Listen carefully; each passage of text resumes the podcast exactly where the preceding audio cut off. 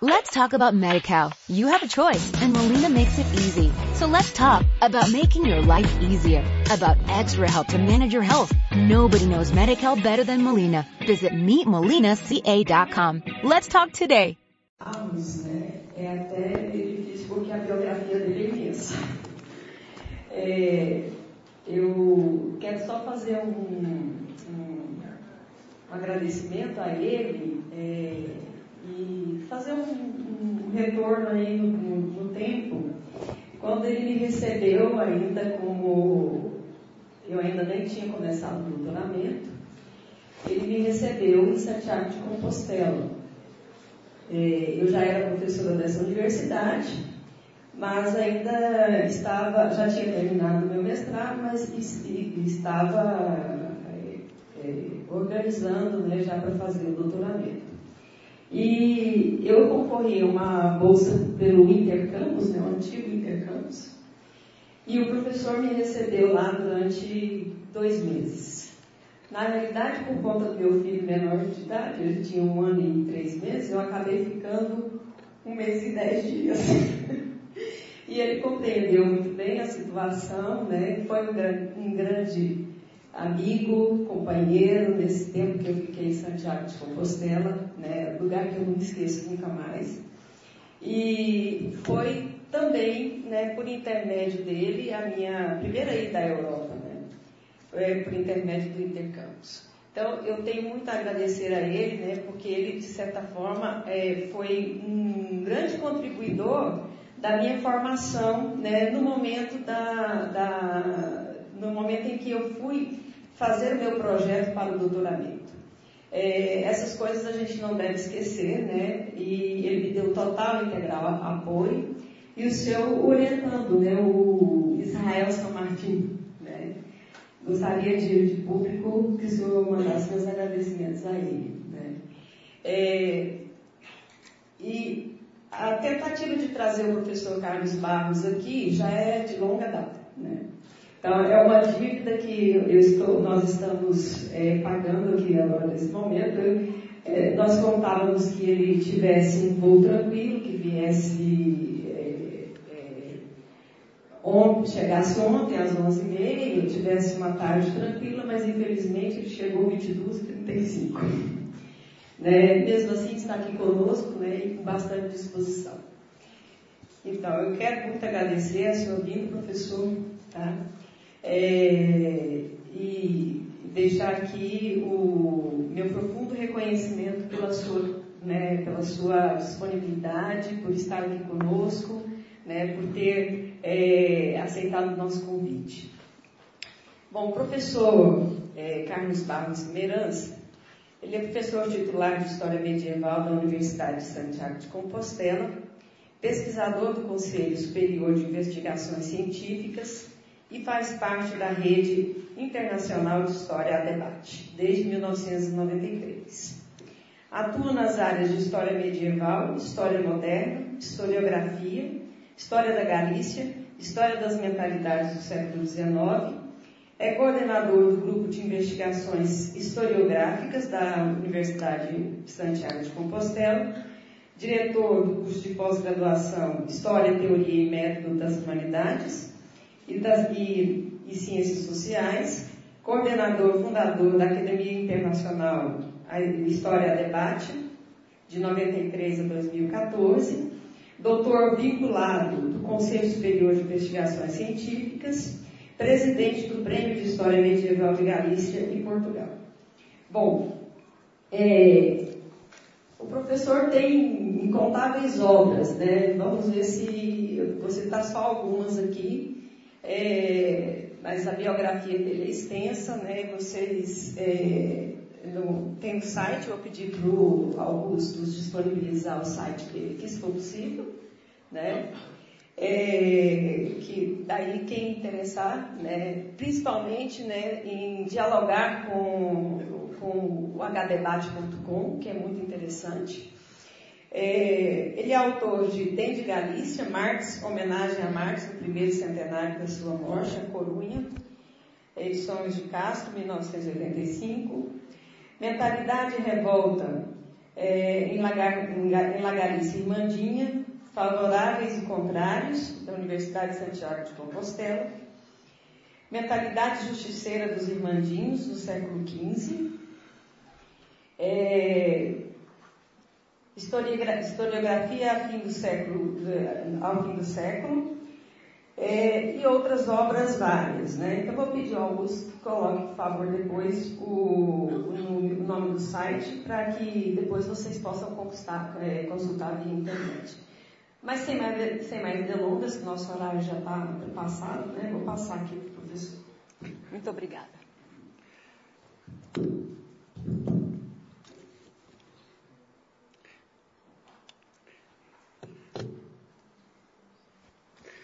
Bon día. É que as cousas técnicas estas eh, multimedias eh, espero que entre hoxe mañán estea subida eh, vos decides vais, baixada, creo eh, esta conferencia e, e, e a inauguración deste interesante eh, congreso a, a YouTube, a Google, e Bus e outras eh, redes. Ben, eh, Eh, no norte de Portugal hai un proverbio, pode acreditar Paula Pinto, que di de España ni bon vento, ni bon casamento. Eu espero desmentir isto. Levamos 20 anos dende Historia Debate desmentindo eh, isto. Eh, agradecer, eh, polo tanto, a invitación a a Facultade de, de Historia, a Universidade Federal de Goiás, e sobre todo a miña colega e amiga Armenia Sousa e a súa equipo, equipa. É dicir que levamos 15 anos de, de contactos dende a súa primeira visita a, a, a España, a Santiago, a Europa, a Santiago de Compostela, eh, o ano 2000, verdad? E mantuvímonos en contacto eh, ata, ata hoxe e polo tanto, bueno, tu tiven dificultades no aeroporto Adolfo eh, Suárez de Madrid e logo no aeroporto de Sao eh, Paulo polo retraso eh, prolongado do, do voo entre entre España e Portugal, pero lle decía ao director da vosa facultad que despois dese inferno cheguei a, a, a Goiás que é o ceo, non? Por lo tanto, me atopo moi a gusto aquí eh, con, todos, con todos vos. No? Esta relación que espero que continúe entre a Universidade de Santiago de Compostela e a Universidade Federal eh, eh, de Goiás eh, protagonizada por medievalistas como Ede o que acredita a nosa experiencia en Historia da de hai máis de 20 anos sobre o papel na renovación historiográfica internacional do, do medievalismo, neste caso eh, luso, luso español, etc., que ten xa unha longa tradición se si pensamos eh, en Rodney Hilton, en, en,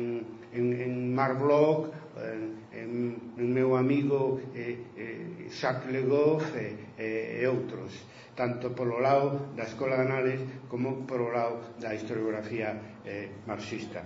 Por lo tanto, temos moito que facer e levamos a abondo eh, feito. Non? Ben, entre vos en, en materia, falemos primeiro dos conceptos e do contexto eh, de, do tema que me trae hoxe aquí. O título desta conferencia é a identidade galega eh, galego-portuguesa eh, na Idade Media, tema que eh, medieval, pero dunha enorme actualidade hoxe en día por causa da globalización. Eh, a historiografía española e portuguesa ignoraron o, o tema da identidade eh, nacional, das identidades eh, nacionais, non? tanto na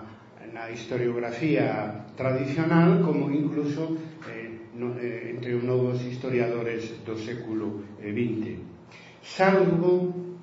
o que ten que ver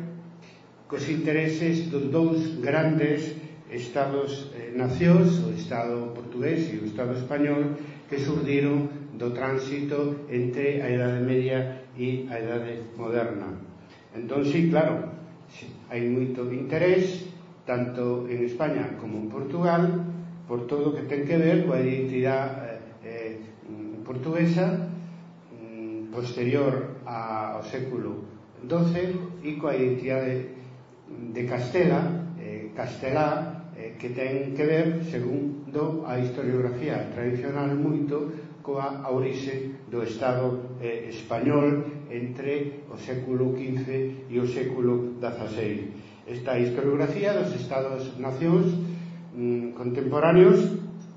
incluso eh, no noso, no nosos casos moi anteriores á época contemporánea, se basean principalmente para o seu discurso historiográfico nas crónicas medievais o que Ranke chamaba a historia das grandes figuras, sobre todo a historia dos reis, esquecendo como pasa tantas veces coa historiografía positivista o papel da propia sociedade ao longo da historia e concretamente o papel da sociedade para entender a orixe das nacionalidades actuales que está, como todos sabemos ou deberíamos saber, na época medieval.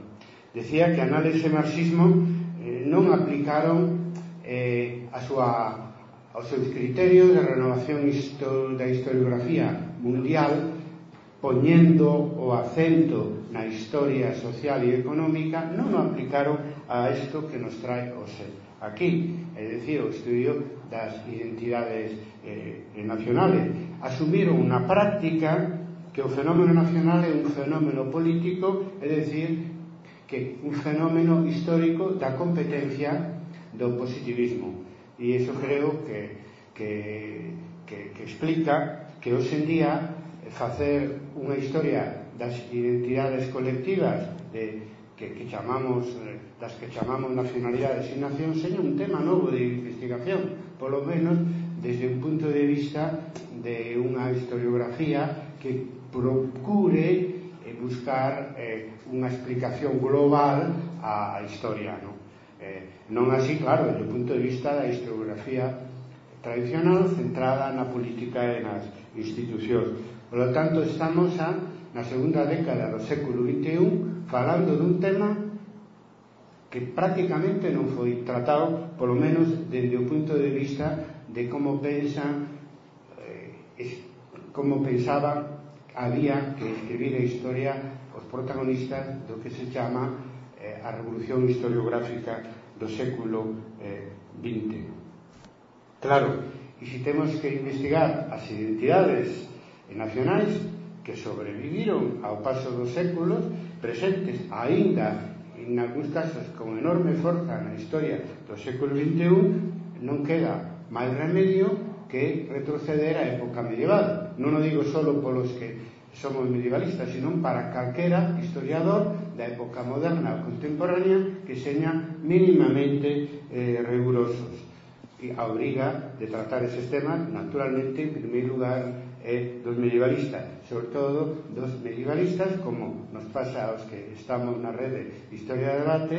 que temos interés pola historiografía e pola relación da historia cos tempos eh, presentes. A Edade Media foi mm, todo mundo debería saberlo, todo mundo sabe pero non se recoñece con, con por parte de algúns por intereses de, que teñen que ver co presente, a Edade Media é onde se originaron as nacións e nacionalidades actualmente vidas no século XXI, é a orixen remota da, das nacións máis poderosas eh, hoxe en día, inda que moitas veces pois esa, esa herdanza digamos, identitaria chegara a países de América e a países de Oriente ou a países de África por intermedio do, do fenómeno da, da colonización eh, eh, iniciada no, no século eh, XVI e polo tanto mm, que serviu de filtro mm, en general nefasto para a transmisión desas identidades identidades medievais ao mundo moderno e mundo contemporáneo.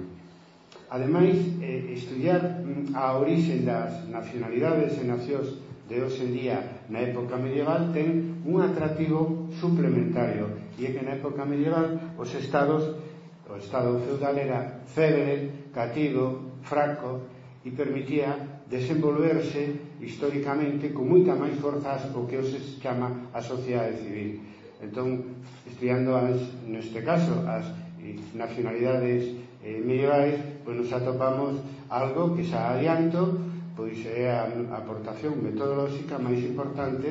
eh, da que vou falar hoxe aquí, que é o papel da sociedade e das clases populares na, na constitución das nacionalidades medievais que a súa vez son a, o berce dos estados e nacións do, do século XIX tratan, que tratan hoxe en día de sobrevivir a tormenta da globalización. Por lo tanto, eu vou falar concretamente, non é pouco, eh, da identidade compartida entre galegos e portugueses na Edade Media que chega aquí a través da colonización eh, portuguesa aquí a Brasil. Non? As historiografías oficiais polo rural negan o interés, incluso a existencia desta, desta eh, identidade compartida galego-portuguesa de factura eh, medieval. Eso é moi claro en España, eh, porque subsiste unha tensión grande entre o centro e a periferia, entre a nacionalidade originada en Castela, semónica finalmente no momento da Constitución do Estado Español, e os nacionalismos que se di eh, periféricos, sobre todo vasco, catalán eh, eh, e galego Entón, quitando eh, a historia que facemos pois en, en Cataluña, en País Vasco, en Galicia en algunha región tamén moi caracterizada polo seu componente nacionalitario de orixe medieval, como pode ser o País Valenciano, incluso Andalucía, pois quitando esos, esas comunidades autónomas eh, periféricas, a historiografía oficial en España nega este tema. Por lo tanto, estamos facendo unha historiografía crítica coas historiografías oficiais en España, creo que en Portugal eh, tamén, según explicarei, cando nos eh, adicamos a estudiar as, as nacionalidades eh, que surden na Edade Media na península ibérica. A historiografía portuguesa eh, entre o, nos, dende o século mm, eh, eh, 19, dende Herculano e eh, pois ben atamatoso ben fluctuando entre os que procuran a orixe Lusitania e os que procuran a orixe de Portugal na Galiza, non? Como, como, como se di, é dicir, no reino eh, medieval da Galiza ao que pertenecía perteneceu durante séculos eh, o norte de Portugal. Ainda que recentemente, dende finais do século XX e hoxe en día o consenso, na miña opinión crítica, dos historiadores portugueses é que na, a nación portuguesa nace no século XII con Afonso Enrique. É dicir, que pesa aí tanto en Portugal como en España pois o que eu chamaría razón de Estado unha razón de Estado retrospectiva, é dicir, os Estado-nación de, da, da modernidade, sobre todo no mundo contemporáneo, fan a historia das súas, das súas nacións mm, eh, eh, pois, pois salientando o papel das nacionalidades medievais que deron lugar a, ao Estado portugués e ao, e ao Estado eh, español e esquecéndose das nacións sin Estado que foron as maiorías das nacionalidades eh, medievais en Europa. Eh, solamente unhas cuantas foron quen de constituir grandes estados, non? como o caso de Castela en, en, en, en, en, en, na, na maior parte da, da península ibérica e entonces penalizan aquelas nacións sin estados que, sin embargo, non só perviven, sino que atopan unha nova vida coa globalización que pon, puso, pon e poñerá en crisis aos Estados-Nación que se eh, fortaleceron ou se crearon eh, entre mm, no século de, de, de, de 19. Eh, ben, insistir brevemente no, no, no que xa adiantei que a, a, a miña metodoloxía para estudiar as identidades eh, nacionais na época medieval asume a relación que herdamos do marxismo historiográfico entre base e superestrutura, é dicir, a economía e a sociedade condiciona o resto eh, as, eh, as institucións e a cultura eh, eh, en, en calquera época histórica, eso está asumida por, por calquera eh, calquera enfoque historiográfico que se considere actual, ¿no? Eso está claro. Pero mm, hai que engadir no século XX que as determinacións entre a base e a superestrutura é un fenómeno complexo. Moito máis cando tratamos un tema como o de a identidade nacional que tamén é un fenómeno eh, complexo, obxectivo, obxectivo e subjetivo ao mesmo tempo. Por lo tanto, a relación que nos interesa entre a base e superestrutura é, dende logo, bidireccional. Decir, a economía e a sociedade influyen na política e na cultura e viceversa, e sempre complexa Concretamente, creo que na maioría dos casos as nacionalidades medievais nacen como máis como consecuencia de, do factor sociocultural que do factor político institucional co cual se perturba a relación entre base e superestructura porque se poñen de acordo a sociedade e a cultura que, que é unha mistura entre a base e a superestructura contra outro aspecto determinado da superestructura importante como é todo o que ten que ver co político institucional. Ben, aplicaremos este, este criterio do, da importancia do factor mm, social, lingüístico, cultural na formación das nacionalidades medievais, aplicarémoslo á Península Ibérica eh, en, en esta, nesta exposición. Decir tamén, como consecuencia do que veño de aseverar, do que veño de afirmar, que o feudalismo ten moito que ver como, for, como forma mm, social eh, ten, e económica ten moito que ver co nacemento das nacionalidades eh, medievais en toda Europa. Na propia península ibérica en Europa hai varios tipos de feudalismo, según Perry Anderson, tres, uno norte, outro no centro, Francia, e logo no sur. Mediterráneo, o terceiro, o terceiro tipo. Non, non vamos a entrar neso, pero sí, eh, sí decir que na península ibérica a, a, o momento da formación do feudalismo na plena Edade Media eh, é diverso, é dicir, hai o que, por exemplo, García de Cortázar chamaba o feudalismo regionais, isos feudalismo? regionais na Península Ibérica teñen moito que ver co, coa formación das nacionalidades medievais na propia Península Ibérica. De maneira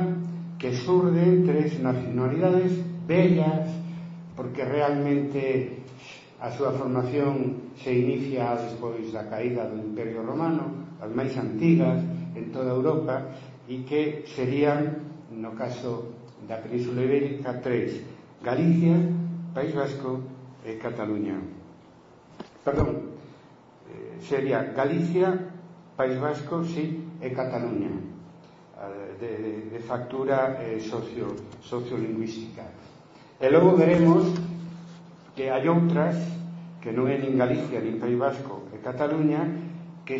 moi tempranamente se organizaron como estados feudais. Pero me, me vou a referir primeiro as, as, as propiamente medievais, é dicir, que nace como un fenómeno social identitario con,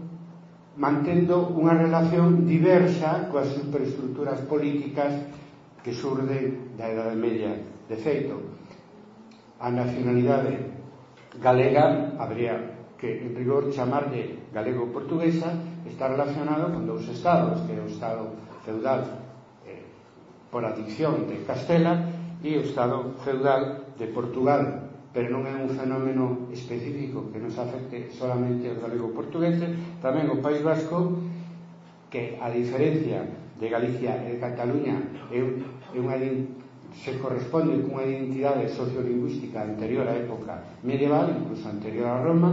como xa sabemos, pois a, a, o, o País Vasco como nacionalidade medieval pois está partido entre tres estados, Navarra, Castela e Francia.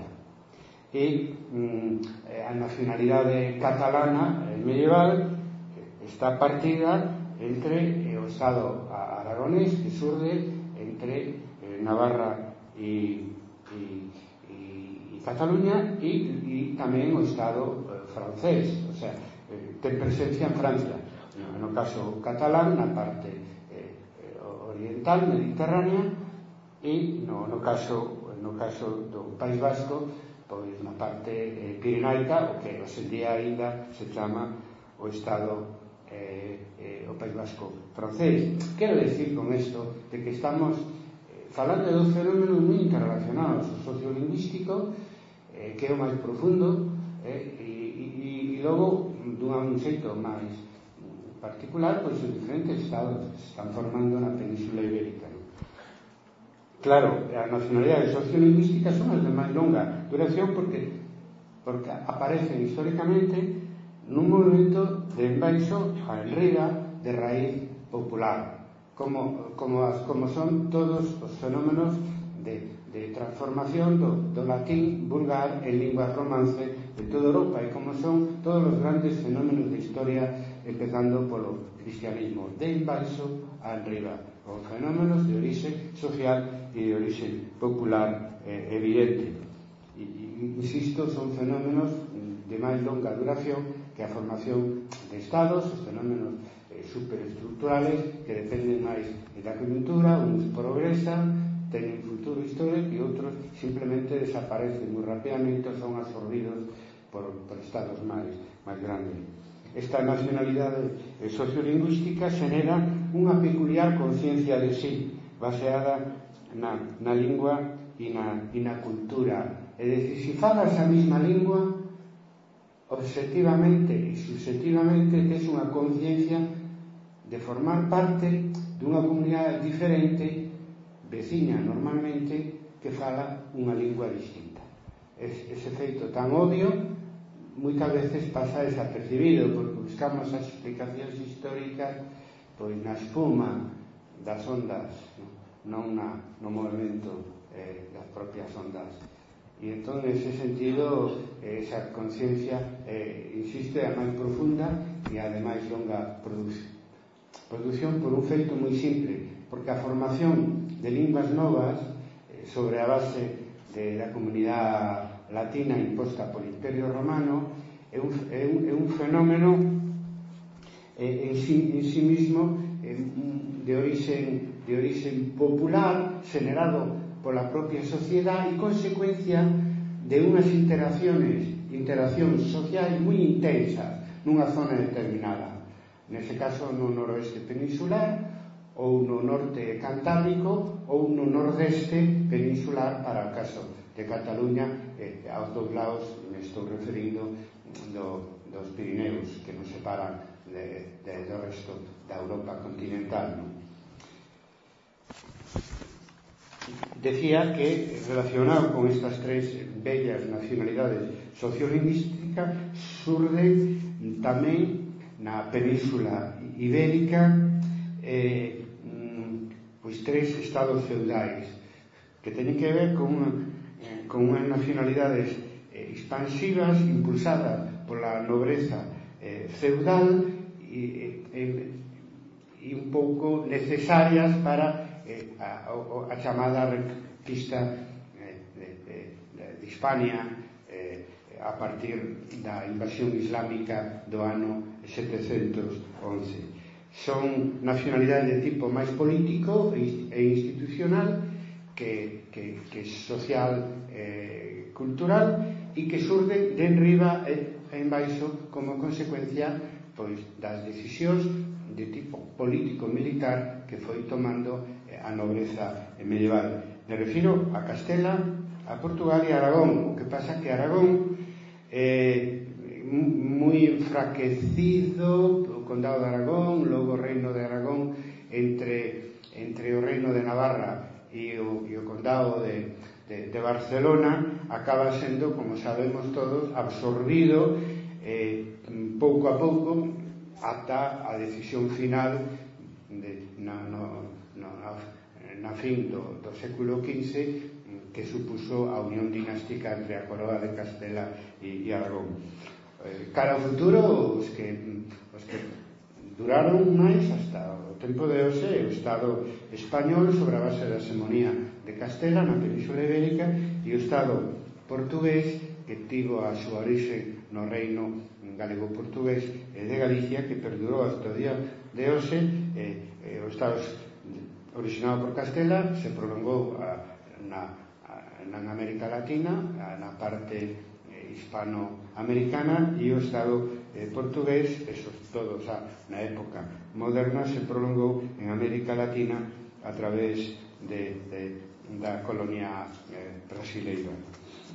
Este tipo de este tipo de nacionalidades políticas expansivas, militarizadas que que primeiro nacen na loita contra o Islam e logo crean imperios eh, na loita contra contra as etnias eh, originarias de toda América Latina, xenera unha conciencia de si sí política e, e militar, non? surdida eh, da guerra contra o na baixa edade media eh, peninsular nas, das guerras eh, dinásticas e logo xa no mundo moderno eh, na guerra pola conquista mm, contra as, as tribus eh, nativas eh, as etnias nativas da conquista da América tanto pola parte lusa como pola parte hispana. Eu para, para, para que se entenda o tipo de, de conciencia nacional que surden estos, nestas nacionalidades, pero que son estados eh, xa dende, dende a época medieval, poño, gustame en, eh, poñer de exemplo a Xoana de Arco, no? que aparece, como todos sabemos, a principios do século XV, eh, como consecuencia da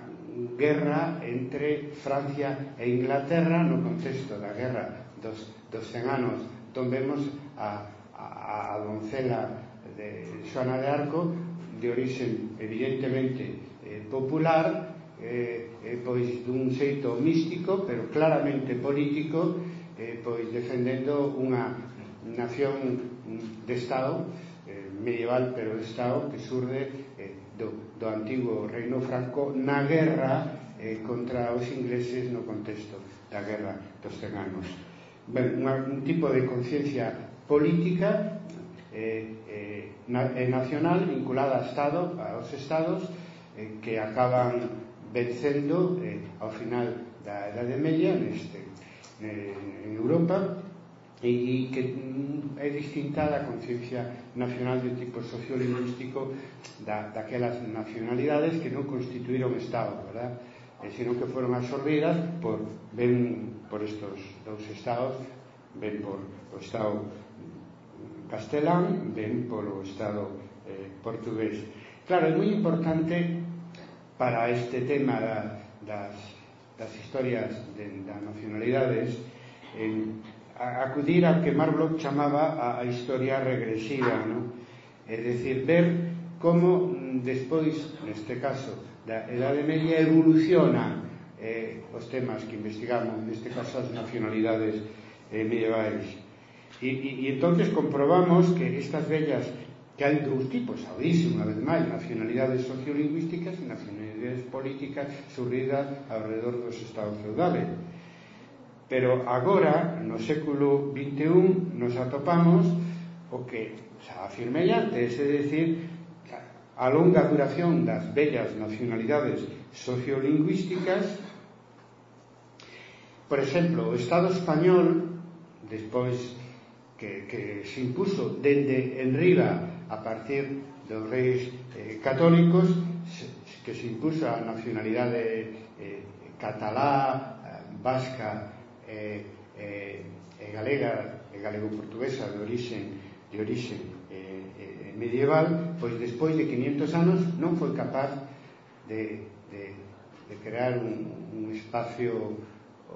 homoxéneo. Temos unha lingua común no estado no Estado español, no Estado democrático español, pero hubo que crear comunidades autónomas muy fortes, sobre todo nas nacionalidades de origen eh, medieval e hoxe en día eh, temos que facer unha segunda transición de 40 anos despois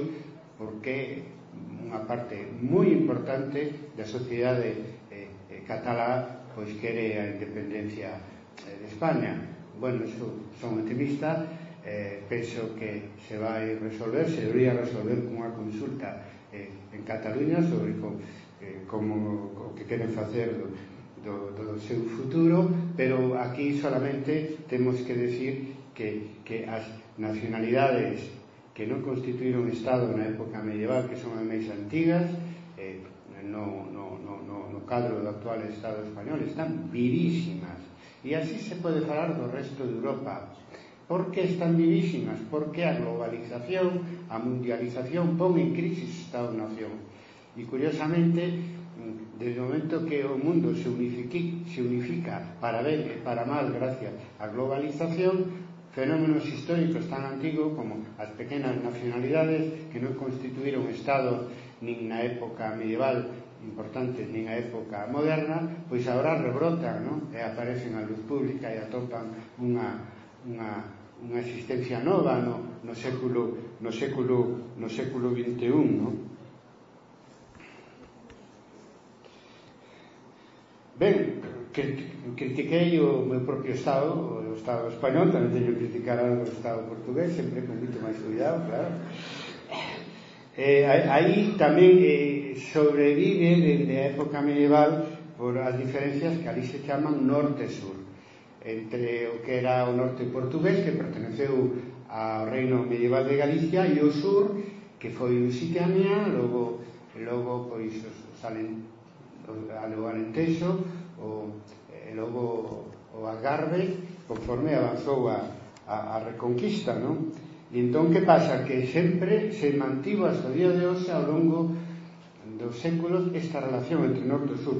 que é menos grave ten menos consecuencias eh, para no, no momento político actual na península ibérica porque o norte e o sur mm, portugués eh, con, mm, comparten a mesma lingua e cultura de orixe galego-portuguesa. Inda que moitos non o queiran eh, recoñecer cousa que non é a mesma se falamos de o Estado español que nace a partir da da coroa de, de, de Castela, que se impón ademais a coroa de Aragón, e que, sin embargo, ten que mm, eh, facerse compatible, se fixo compatible ao longo de, de cinco séculos pois con unha lingua con, unha, con linguas e culturas diferentes eh, en Cataluña, País Vasco e, e Galicia. Entón, nese, nese sentido, simplemente eh, en Portugal pasou o mismo que, pas, que, que no caso de Castela, Castela conforme foi recuperando eh, territorios de que antes pertenecían a, al Andalus, pois impuso eh, as formas de organización social, as formas políticas e as formas culturais, empezando por, polo idioma, a, ao centro e ao sur da península ibérica e o mismo eh, fixo o, o, o reino de portugués creado por Afonso Rique Enríquez conforme avanza a reconquista eh, ata finalizar eh, coa conquista do, do que logo sería o, o, o Algarve. Bueno, cronoloxía da, da formación das nacionalidades eh, medievais na península ibérica eh, o que nos interesa neste caso, polo título da conferencia Identidade Galego-Portuguesa de nada Media é o Reino de Galicia. O Reino de Galicia se crea coa entrada dos suevos no século V e se, e se completa nesta primeira fase no século eh, eh 12. Mm, naturalmente, ese, ese espacio compartido que se transforma nunha lingua e nunha cultura compartida ao longo de toda a Alta Edade Media entre o que é a Galicia actual e o norte de Portugal, responde a, a unhas situacións anteriores tamén moi diferenciadas no? na época megalítica a cultura das, das mamoas eh, en, eh, no, na época posterior pre, pre, pre romana a costura dos castros a cultura castresa que compartíamos eh, en Galicia e o norte de Portugal pois con todo o noroeste peninsular o que pasa mm, que eh, ao final a, na forma, a formación da nacionalidade galego-portuguesa pois, pois se reduxo eh, a, a, ao espacio entre o, o mar Cantábrico e o río Douro con algunhas zonas occidentais do que eh, sería do, do que, o reino de Asturias e o reino e o reino de, de, de, de León. En, o que máis nos interesa é nese, eh, eh nese espacio compartido desde todos os puntos de vista socioeconómico, cultural, e político entre Galicia e o norte de Portugal son o, o que eh, Benito Viceto un dos primeiros historiadores de Galicia chamaba os dous conventos eso é unha terminoloxía romana que é o convento da, da Galicia eh, lucense e da Galicia bracarense no, do, no primeiro caso capital Lugo, a Galicia actual, e no segundo caso, pois o norte de Portugal, co, coa capital en Braga, non? E porque Braga, ademais, eh, eu non, nunca entendín como a historiografía portuguesa non, non presume de, de, do reino alto medieval de Galicia porque a capital está en Portugal o que, no que logo foi Portugal estuvo en Braga, non estuvo en Lugo que foi a capital do reino medieval de Galicia hasta que foi sustituída despois do descubrimento do sepulcro do apóstolo Santiago eh, no século IX por Santiago de, de, de, de, de, de Compostela. Bueno, este, este espacio que no noroeste peninsular que vimos compartindo de, de, de, de, de a prehistoria deu lugar a, a, a, a, unha, a un primeiro organismo político eh, que é a provincia romana de, de Galaecia e logo en, no ano 411 coa conquista dos suevos no primeiro reino xermánico que se crea en Europa despois da caída do imperio que é o reino de suevo de Galicia que, xa digo, incluía Galicia ao norte de Portugal e tamén un terceiro convento o, o asturiciense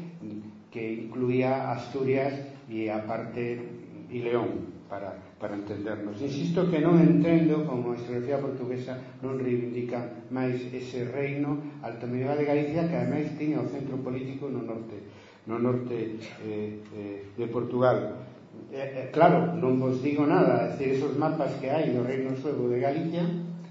que é o antecedente eh, eh é a primeira formulación digamos, política eh, do Reino Alto Medieval de Galicia e, polo tanto, da nacionalidade galego-portuguesa mm, desde o punto de vista político, pois cando aparece hoxe no, no debate político actual, sobre todo nas redes, eh, etc., pois mm, a dereita española di que eso é eh, eso, pum, eso é, digamos, o mapa dos independentistas galegos, non? Eh, bueno, eh, é unha verdad histórica, non lle gusta, porque tamén o fan os vascos cando reivindica un país vasco incluindo o país vasco francés e tamén o fan os cataláns eh, cando reivindican os países catalanes con, con, con, con, con incluindo parte da, da Francia eh, mediterránea e eh, eh, tamén as illas eh, eh, Baleares non? entón, esas son as cousas da historia que perviven hoxendía que molestan a proxectos políticos extraordinariamente centralistas eh, unificadores eh, que se defenden a sí mismos negando que houbera unha, unha historia tan diversa como, como a que estamos obrigados a defender os, os, os historiadores. Bueno, o máis importante na alta Edade Media para poder falar de unha entidade galego-portuguesa que nace nos primeiros séculos, séculos da época medieval é a transformación do latín, do latín e eh, primeiro nun, no latín vulgar, no latín clásico nun latín vulgar e logo eh, do latín vulgar no romance eh, galego-portugués, como digo nosos, os nosos filo, filólogos, non? De maneira que eso é o, a, a casa matriz da que salen tres dialectos do galego-portugués que chegaron a, ao noso día, que é o portugués, que é o galego e que é o brasileiro Entón, nos pedimos respeto a, a, a tres dialectos que nace dunha lingua medieval común que o galego portugués e que podemos entendernos eh, entre nós, entre portugueses, galegos eh, e brasileiros, respetando, eh, en fin, diferente, diferentes fonéticas e diferentes eh, eh, formas léxicas. A mí me dá moito gusto. É eh, a terceira vez que estou no Brasil, fun eh, a pesar de ser galego, pois, sempre me invitaron máis, eu que sei, para México, para Argentina, para, para Colombia, pero onde veño máis a gusto é aquí. Por que? Porque podo falar, eh, igual que en Portugal podo falar con un portugués sin maiores problemas, sobre todo se é portugués do norte, pero tamén aquí podo falar con calquer brasileiro e sempre me den o mesmo cada vez que viaxo aquí na rúa Estaban tardando en decirmo aquí, e mo dixeron no aeroporto de Sao Paulo. É o seguinte, di, que ben fala usted o portugués, diga. Cousa que, que é difícil que te diga un portugués, eh? Ao mellor un portugués do norte, moi cerca da raya e do Miño, xo poden decir, pero conforme vas cara a Lisboa e cara a Algarve é difícil que xo diga. Entón atopo casi máis a gusto falando galego aquí casi en Brasil que no propio Portugal, que son puristas coa súa lingua, non? E, sin embargo, probablemente, pois, eh, co brasileiro pase co que, co, co que pasa co galego. É que compartimos eh, formas léxicas eh, e incluso, polo menos, no caso do galego, fonética co, co castelán, por eso da interacción continua eh, con eles. A, a, a, a, a formación do galego como unha lingua falada dase entre do galego portugués dase entre os séculos 9 e 11 dunha maneira clara e aí pasa o que xa dixe que a interacción continua nun mismo espacio nun marco eh, xeográfico e social determinado crea unha lingua diferente. Unha sociedade diferenciada que inclúe eh, mm, eh xa dixen a Galicia actual, o norte de Portugal, a parte máis occidental de Asturias e unha zona veciña da Galicia actual, o Bierzo, decirvos que hoxe día aínda fala galego eh, eh algunhas poboacións da parte occidental de Asturias e sobre todo no Bierzo que mm, desde o punto de vista institucional eh, pertenece á comunidade autónoma de Castela de Castela e eh, e León. Decirvos que este reino de Galicia,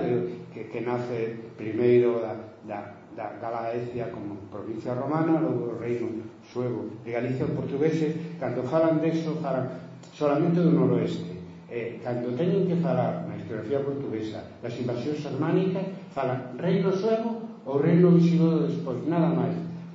Non falan do reino suevo de Galicia, porque era o nome ademais oficial que tiñan e, eh, e na documentación aparece indiferentemente aparece eh, eh, reino suevorum ou aparece simplemente co nome de Galaecia eh, na, su, na súa evolución debido a, a, a, a, a imposición da lingua romance galego-portuguesa que vai desde Galiza, Galice hasta chegar a Galiza eh, Eh, Galicia sempre na transformación do nome latino na evolución do nome latino Galicia ao longo da alta edade, edade media. Bueno, entón eh, antes da, da creación de, da extinción de Portugal pertenecimos primeiro ao Reino de Asturias e logo ao Reino de León e finalmente xa no, no século XIII ao Reino de, de, de Castela. Sempre fomos un reino sin rei como decir, a mí, o, o reino alto medieval de Galicia, que incluía a actual Galicia e o norte, e o norte de Portugal. Mm. Bueno, porque eh, o poder nese reino suevo de, de Galicia que é o nome oficial que aparece na documentación a ese espacio político noroccidental eh, porque dependíamos de un poder político perimetral Eh, é, é dicir, un pouco fora do, do, do centro mm, de, do que era pois, Braga, do que, era, do, que, do que foi Braga, do que foi Lugo durante a época romana, logo durante a época eh, xermánica. Pois simplemente por, pola dinámica da loita contra, contra o Islán. Nas zonas fronteirizas se crearon os núcleos de resistencia contra a invasión islámica e neste caso en Asturias e logo en, en León dende o século eh, 8 eh, en adiante. Os que tiñan a iniciativa popular, os sectores da nobleza que tiñan a iniciativa popular, crearon uns estados cativos e que tiñan ao seu redor pois, o espacio que lle correspondía, neste caso o espacio mm, galego eh, portugués, que non tiña máis remedio que apoiar ese poder político, porque a clase dirigente necesitaban ese ariete na loita contra o Islam. Sempre o poder político, no caso do reino medieval de Galicia, apareceu na periferia, primeiro na periferia asturleonesa e logo xa no século XII na periferia mm, eh, eh, portuguesa tamén polo mesmo, polo mesmo eh, motivo. Este reino sin rei mm, galego-portugués eh, quedou illado da do resto da meseta a partir da conquista eh, por parte do Reino de León de Toledo no ano 1085. Bueno, os únicos que, que, que, que se mantuveron na vanguarda na loita contra o Islam son os condados fronteirizos eh, pola, na parte máis occidental, é dicir, Portugal e Coimbra, dous condados pertenecentes formalmente ao Reino eh, de Galicia, pero sobre os que descansaba eh, eh, a loita contra o Islam pola súa ubicación eh, xeopolítica non? E, e que aproveitaron esa, ese protagonismo de tipo militar no século XII, como sabemos, para crear un Estado propio en Portugal que logo absorbeu a, o condado de, de, de Coimbra. Bueno, decir que o Camiño de Santiago, a partir do século IX, favoreceu que a Igrexa fora hegemónica na parte da Galicia eh, luz, lucense, mentras que eh, no, na Galicia do Sur, na Galicia eh, bracarense, antes da, da formación do Reino de Portugal, sempre foi hexemónica a nobreza e feudal por a súa función militar que, que lle correspondía eh, nun, nuns condados eh, fronte, fronteirizos. Digo iso porque eh, eso supón certa diferencia nos, no, nese feudalismo regional compartido entre Galicia e norte de Portugal a xemonía na parte mm, lucense da igresa e a xemonía da, da nobreza militarizada na parte do norte de Portugal. Ben, eh, no século XII e, e, e XIII pues, eh, son marcan o, feudal, o feudalismo mm, do, perdón, a plenitude da formación social eh, feudal e tamén a plenitude no proceso de formación da nacionalidade eh, galego-portuguesa que a partir de 1140 eh, ten que mm, desenvolverse eh, na, a, a, perten, pertencendo a dous estados diferentes. O Estado de León e Castela por, por parte da Galicia do Norte, da Galicia lucense e o Estado creado ex novo en Portugal pola nobreza ao redor do protagonismo político-militar de Afonso, de Afonso Enrique. Decirvos que na plena Edade Media esta ruptura política superestructural non afectou para nada a continuidade lingüística, cultural e social que viña dos séculos anteriores. É dicir, eh, cando se constituye o Reino de Portugal, xa era general como lingua oral o galego portugués ao norte e ao sur do río Miño e era o mismo idioma, etc. E durante esa plena da media ainda que a Galicia lucense pertenecía á coroa de Castela eh, de León en Castela e o norte de Portugal naturalmente non só pertencía, sino xerara o Estado portugués a pesar deso o, a, a lingua dá un paso decisivo da, da oralidade á lingua escrita e, e literaria sin que se vira afectada por las diferencias políticas na superestructura ¿no? Esa, ese, ese paso a, a xemonía escrita respecto do latín do, do galego portugués afecta a literatura sobre todo a lírica e afecta a lingua da administración Bueno, é o momento de eclosión da lírica galego-portuguesa donde aparecen mesturados os pois, tanto trovadores ao, don, ao que viñan do norte como do sur do río do río do río Miño, como ben sabemos. Pero máis eso é importante, pero o máis importante é como o galego portugués sustitúe na, na administración señorial a, ao latín. E iso é consecuencia da maduración do feudalismo. É dicir, desde o momento que, que o feudalismo tal como o coñecemos é dicir, o sistema de señores de vasalos sustitúe a, a, a todo as formas de producción alto, alto medievais e se institue o pacto feudal as clases dirigentes e, e necesitan unha lingua común na que escribir eh, os contratos agrarios e, en fin, para, para, para poder ter un, un réxime económico social baseado eh, no consenso. É un mito eh, antimedieval decir que o sistema feudal eh, é, é consecuencia da, da violencia dos señores contra os vasalos. Bueno,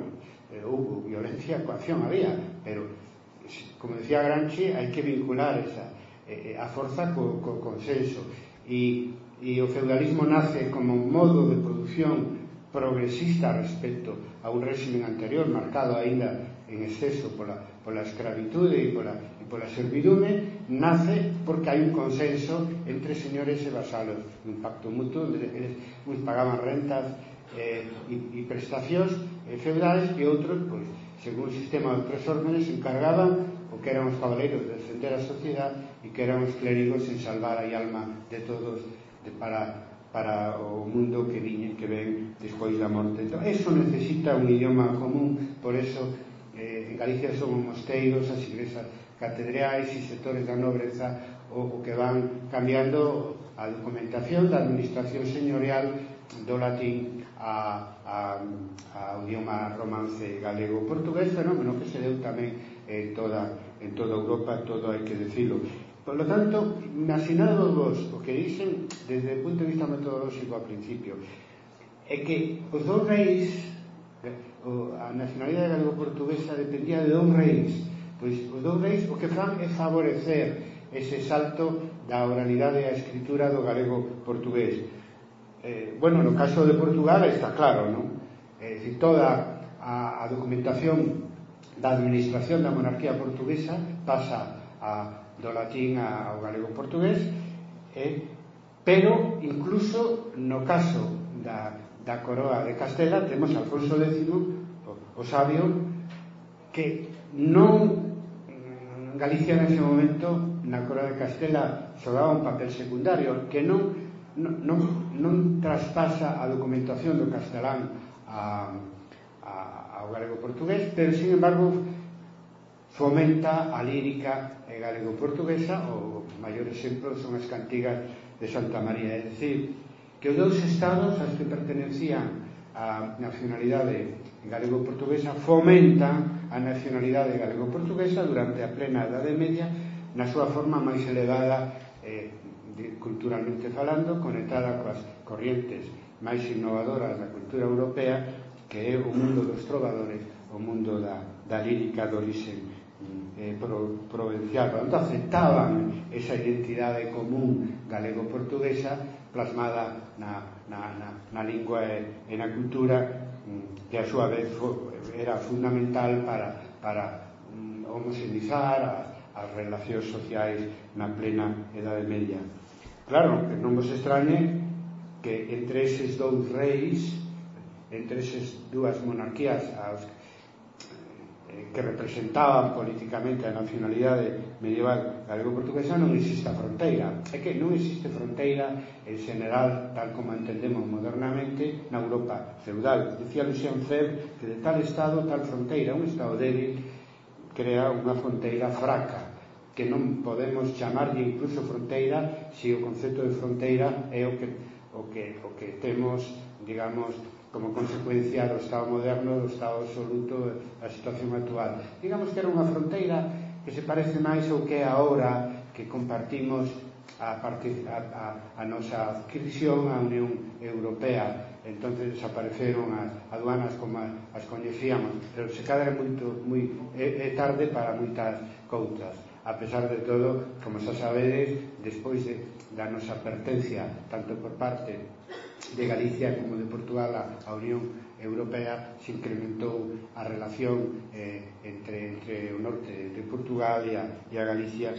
Por eso digo que rebrota esa nacionalidade de orixe medieval cando na medida en que enfraquecen os estados modernos gracias, en este caso, ao proceso de globalización en Europa, de globalización política, pena que é un proceso que está en crisis e que a súa vez moi débil, senón aínda aínda teríamos máis relacións que as que temos os en día eh, os antigos eh, territorios que pertenecimos ao reino suevo de Galicia. Non existía fronteira. No ámbito socioeconómico seguro Es decir, os señoríos do norte de Portugal e os señoríos de, de Galicia pois eh, aparecen cru, cru, cruzados, é dicir, a Igrexa de Tui tiña vasalos e terras no, eh, no norte de Portugal e, e, e o arzobispo de Braga tiña vasalos e terras máis arri, máis alá do río do río Miño, non digamos o comercio que era enormemente fluido e a, mo, e a mobilidade das persoas, como se diose na Unión ou na Unión Europea, non? que tamén funcionaba, de feito, aínda que a, a, a legalidade, legalidade monárquica era diferente, hasta o final da media tiveron os reis moitas dificultades, por exemplo, para que se aplicaran os, as leyes de, de, de, de, de traer que permiten eh, traer a un delincuente, porque normalmente o que delinquía no norte de, de Portugal que se refugiaba en Galicia e viceversa. Non había maneira de aplicar a lei a, a, a legislación de, de, de, de extradición hasta, realmente hasta a época hasta a época moderna non? por lo tanto se trata de unha sociedade sin, sin fronteira económica sin fronteira eh, social. Traballou Xosé Márquez este tema moi ben. Por exemplo as ordenacións de sacerdotes en Braga a maioría eran galegos non eran portugueses quedaba igual que estuvera a, a, arriba, que estuvéramos abaixo ou en riba do, do, do Miño. E outra cousa que é moi interesante, eh, Márquez, José Márquez descubriu que se mantuveron unhas, eh, o número de matrimonios eh, entre galegos e eh, portugueses en, en, en falando mo, mo, modernamente se mantivo hasta o final da Edad Media Por lo tanto, digo eu, ese proverbio de, de España ni bon vento ni bon casamento é moderno ou probablemente contemporáneo. Con toda a seguridade, porque casaban dun lado a outro da, da suposta fronteira eh, eh, clara, eh, clara, claramente. Hai, pois, por exemplo, de finales da media, porque ao final do século XV empezan a, a surgir xa eh, mentalidades diferentes aos do lado da fronteira, pero ainda así nun, corta, nun contrato sobre as barcas que atravesaban o río Miño en Tui no ano 1485 se consideraban os galegos e os portugueses falando en terminoloxía actual como non como se fora a mesma nacionalidade política eh, calzalada de estranxeiros se falaba os que non querían cruzar a, o río Miño e non eran nin galego nin portugueses vale. por lo tanto se mantivo hasta o final da Edad Media esa nacionalidade común eh, galego-portuguesa logo eh, nos séculos XIV e XV en mellor dito mm, a segunda mitad do século XIV e o que é todo o século XV aparecen quebras na identidade común galego-portuguesa. Indirectamente ten que ver coa crise do feudalismo que convencionalmente a, a facemos, eh, damos como inicio a peste negra de 1348 a crise económico-social do feudalismo produce, como todos sabemos, explicamos profesores, unha, unha crise dos ingresos señoriais e un incremento da guerra entre señores dunha guerra interna entre nobreza e igrexa que ten desde o punto de vista do proceso identitario algo de interés no tocante a, a Galicia. E logo o que é máis importante o que se chaman as guerras dinásticas e as guerras entre señores por ver de controlar a, a monarquía. Veremos que eso vai ser eh, moi importante na transformación por parte dos estados das identidades sociolingüísticas en identidades eh, políticas. Non? E logo, como terceiro factor, consecuencia indirecta da crise do feudalismo é o fin do mecenado que, que, que explica o, o auxe da, da lírica eh, galego galego portuguesa por parte da nobreza pequena, sobre todo gran nobleza eh, empeñados en guerras entre sí xa deixan de axudar aos trovadores que, que dependían deles eh, deixan de utilizar os espazos e fortalezas para, para poesía trovadoresca e se produce, como sabemos, a partir de 1350 Pois a decadencia lírica galego-portuguesa. Este é un factor coadyuvante que axuda, hai outros factores pero tamén ten moito que ver porque ao desaparecer a lírica galego-portuguesa durante a segunda mitad do século XIV e XV pois desaparece o elemento de identidade cultural maior eh, ao norte e ao sur do río Miño. Sin embargo non tivo sustitución desde o punto de vista cultu cultural a desaparición ou a decadencia da lírica eh, galego-portuguesa eh, e hai que decir que o uso tanto administrativo como oral, eh, etc., eh, do galego e portugués non se veu afectado por esta crise de baixo medieval ata a imposición, no caso de Galicia, do castelán, que foi xa eh, unha cousa do, da, da, que ten que ver co, coa historia moderna máis que coa historia eh, eh, medieval. Ben, decía que, que co fixe do feudalismo as tensións internas dentro da clase señorial son moi fortes eh, simplemente por, por, por, porque a loita polas terras e os vasalos se intensifica, se intensifica como consecuencia da caída demográfica e, e de todas as crisis e as, as fames e, e todas as crisis de precios na, na baixa edade media. Entón decía que no caso de Galicia durante a plena Edade Media pola influencia do Camino de Santiago e outros factores, o sector hexemónico da clase señoreal e da Igresa na, no, no, no que, no que na, na Galicia Norte, no, na Galicia Lucente, despois da pérdida da guerra trastámara por parte de, de Galicia, despois, polo tanto, de 1369, surge unha nova nobleza extremadamente violenta que es propia a Igresa e as clases populares y por lo tanto aparece eh, Galicia, igual que Portugal, eh, hegemonizado por, por, la, por una no, nobreza eh, militarizada eh, eh, eh, violenta. Pero bueno, non axudou moito ao tema de manter a recuperación no plano das clases dirigentes da identidade antiga galego-portuguesa porque tiña tantas divisións internas e tanta nobreza eh, en Galicia como no norte de Portugal como no resto de, de, de Europa diría eu como consecuencia das reyes de, das das guerras dinásticas que, que ao final eh, eso é o que se impuso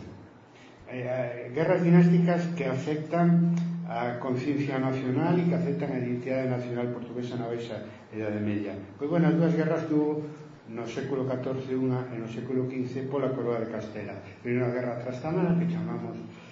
ali en, en España entre 1366 e 1369 entre os partidarios mm, de, de Pedro I de Portugal eh, contra Enrique II o, outra, outra Sámara eh, foi unha guerra pola, pola coroa de Castela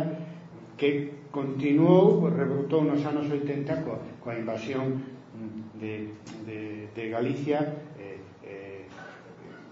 por parte do, Duque, do Duque de Lancaster a Segunda eh, Guerra Dinástica que afecta a relacións de Galicia eh, e Portugal e a Guerra de Sucesión pola Coroa de Castela entre os anos 1475 e 79 entre a Afonso V de Portugal casado con Juana la Beltraneja a filla bastarda de Enrique IV e a irmán de a irmán de Enrique IV Isabel I de Castela, é dicir, Isabel a Católica. Bueno, en ambos casos nestas guerras pola coroa de Castela onde participaba Portugal, houbo un bando portugués en Galicia. No caso da guerra Trastámara foi maioritario, eh, apoiado pola nobreza galega a, ao redor da, da, da liñaxe dos castros da Ina, co apoio da Igrexa, co apoio das cidades onde se fixeron exércitos xuntos,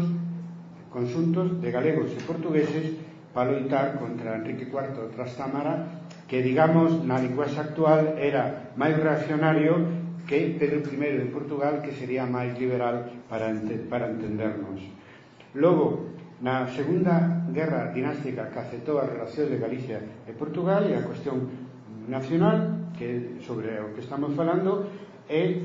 ou outro bando minoritario no século XV na guerra de sucesión O bando portugués neste caso estaba dirixido por Pedro Madruga, o xefe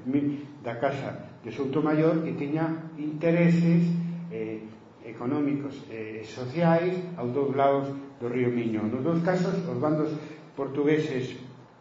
eh, foron derrotados e Portugal eh, foi eh, derrotado. No primeiro caso, gañou a Guerra Civil e que segundo tras Cámara e trouxe un período de reacción eh, na Coroa de Castela que afectou moi especialmente a Galicia. No segundo caso gañou Isabel a eh, eh, Católica e, polo tanto os reis eh, católicas e polo tanto desapareceu a posibilidade histórica de que o norte e, e da Galicia do norte e a Galicia do sur se reencontraran nun estado peninsular eh, encabezado por, por, un, por, un, por unha dinastía eh, portuguesa, o cual interesou, volo digo, eh, nun, tanto nun caso como non outros, a un sector da sociedade galega, da antigua, da antiga Galicia lucense. Por lo tanto, sabedes que a continuidade, eh, perdón, a nacionalidade galego-portuguesa mantuuse viva hasta o final da Edade Media hasta o punto que se considerou sempre hasta o final a reversabilidade de esa, de esa de esa comunidad, de esa relación comunitaria de tipo nacional eh, eh, que non tiña en conta a fronteira do río Miño. Ao final se impuseron as divisións eh, políticas eh, se desbotou a posibilidad de que a Galicia lucense e a Galicia bacarense se reencontraran, xa nun estado peninsular onde o galego portugués sería a lingua común e non o, o castelán posibilidade histórica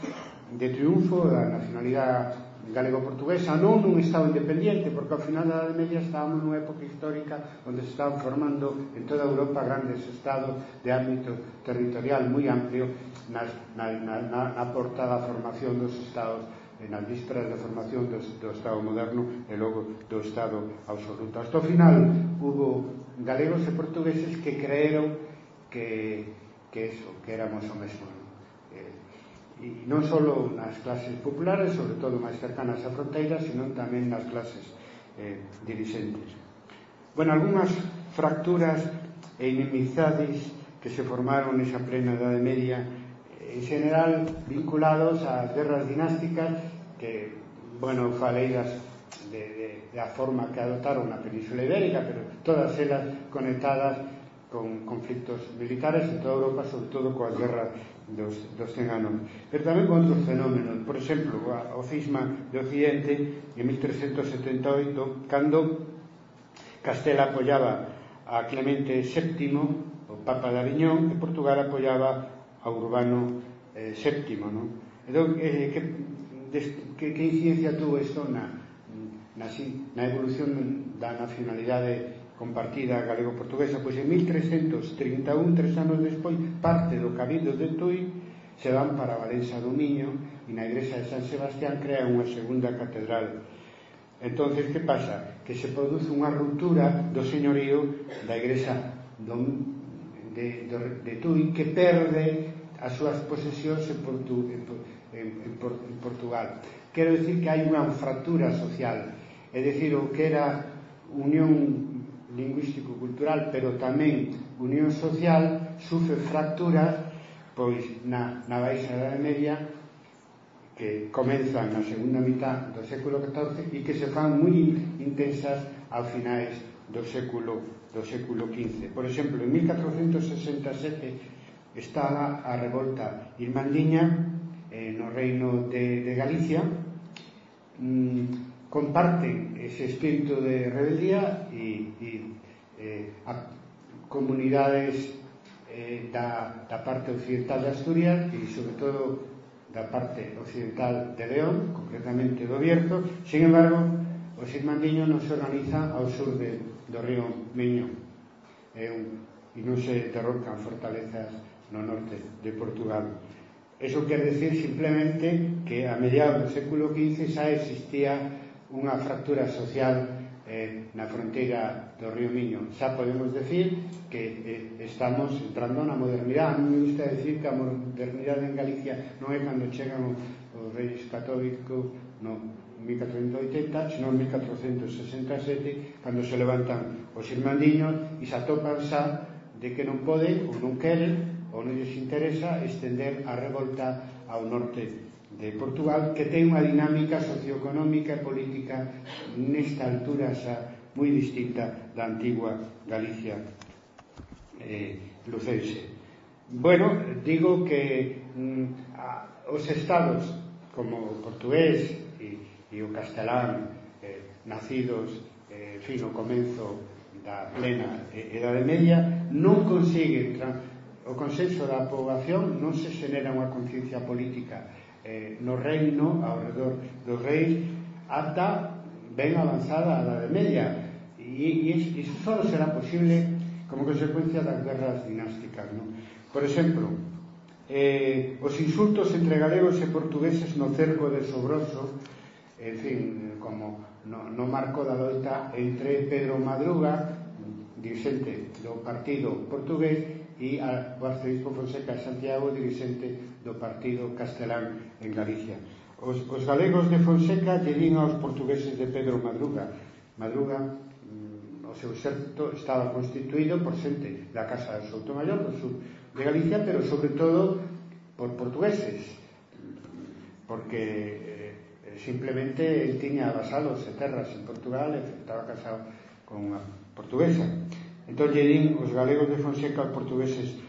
de Pedro Madruga, sedosos, cabrones, que non eran buenos sino para tomar bifés de vaca. Aquí eso estaba en galego, pero eh, Vasco da Ponte eh, escribe isto a principios do século XVI en, en castelán. Entón, por desgracia, os diálogos os traduce ao seu xeito do, do, do galego portugués a, ao castelán. Pero, bueno, son suficientemente, eh, en fin,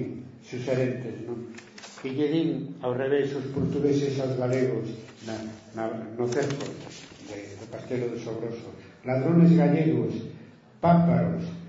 torrezneiros. Pámparos é como parvos, tontos.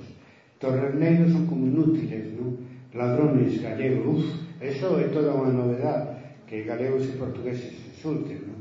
Eh, estamos a eh, simplemente no último tercio do século XV nas cercanías da, da, da modernidade. Bueno, anecdóticamente decir que os de Pedro Maduro portugueses reaccionaron sin pensarlo dos veces e aproveitaron os galegos de, dirigidos polo arzobispo de Santiago para, para derrocalos. Tuveron que levantar o, o, o cerco e saliron triunfantes os partidarios de Isabel eh, primeira pero eh, un século antes na, despois da Jugarrota a Jugarrota, como todos sabemos é moi importante para entender a conciencia política portuguesa non? E como se estende do ámbito da corte real a maioría da poboación ese sentimento de constituir unha eh, nacionalidade cousa eh, que sería imposible sin sin, sin o enfrentamento con estranxeiros, non? Pero claro que, que os estranxeiros señan os de Castela moi ben, pero que os estranxeiros señan os de Galicia pois é bastante extraordinario porque a relación entre o norte de Portugal e Galicia é unha e a relación entre o norte de Portugal e, e León e Castela é outra moi distinta entón dicían os portugueses os castelán, non os galegos de, eh, na batalla de Arjuba Rota en 1385 e chamaban chamorros. Chamorros eran porque iban a moda europea de, de, de cortar o pelo eh, e, e de, de irse melena eh, e de afeitar e de afeitar a barba pero o decían de unha maneira insultante. O nacemento dos insultos eh, eh, desde no último século da época medieval nace anticipa o, o que serán as, as fronteiras eh, modernas, a ruptura da mentalidade común eh, desde o punto de vista identitario entre galegos do norte de Portugal perdón, de portugueses do norte de Portugal e galegos de, ao norte. Entre galegos do norte de Portugal e galegos ao norte de, de, do río do río Miño. É dicir que eh, igual que pasaba coa loita entre franceses e ingleses con Xoana de Arco pois igual eh, as guerras dinásticas crean eh, unha conciencia de nacións separadas. É dicir, consiguen a gran ambición dos reis medievais. É dicir que a nación política coincidan coa nación social coa nación, coa nación civil eh, que subdida alrededor da lingua e, e da, compartidas eh, social, socialmente. Luego xa sabemos que surde eh, tanto pola parte portuguesa como pola parte española, pois os estados eh, modernos, os imperios, o imperio español e o imperio portugués, e as, como en toda Europa, fronteiras pechadas, fronteiras de verdad, onde había aduanas, onde había unha línea de fortificación por, las guerras, por, por, por o problema das guerras dinásticas e onde eh, obrigatoriamente tiñan que verse como estranxeiros de un lado a outro da, da fronteira. O último acto da nacionalidade medieval común galego-portuguesa portuguesa ten lugar fora do, do contexto medieval na guerra de restauración que, decir, que digo os portugueses en 1581 e as cortes de Tomar portuguesas eh, elixen como rei a Felipe II de España que pasa a ser Felipe I de Portugal e, e 50 anos despois, non, 60 anos despois, en 1640 eh, está la, a Guerra de Independencia en Cataluña e a Guerra de, de Independencia en Portugal exitosa. Pero nesa, nesa guerra entre, entre portugueses e españois eh, en, en Galicia xa non se formou un bando portugués como na guerra Trastámara e na guerra de sucesión nos séculos XIV e XV. Xa éramos xente distinta, verdad? Ahora estamos explicando eh, as nosas orixes común para ser o mesmo. Se pode decir que fomos un e agora somos tres galegos, portugueses e brasileiros. Nos multiplicamos por lo tanto, melloramos. Viva Galicia, viva Portugal, viva Brasil.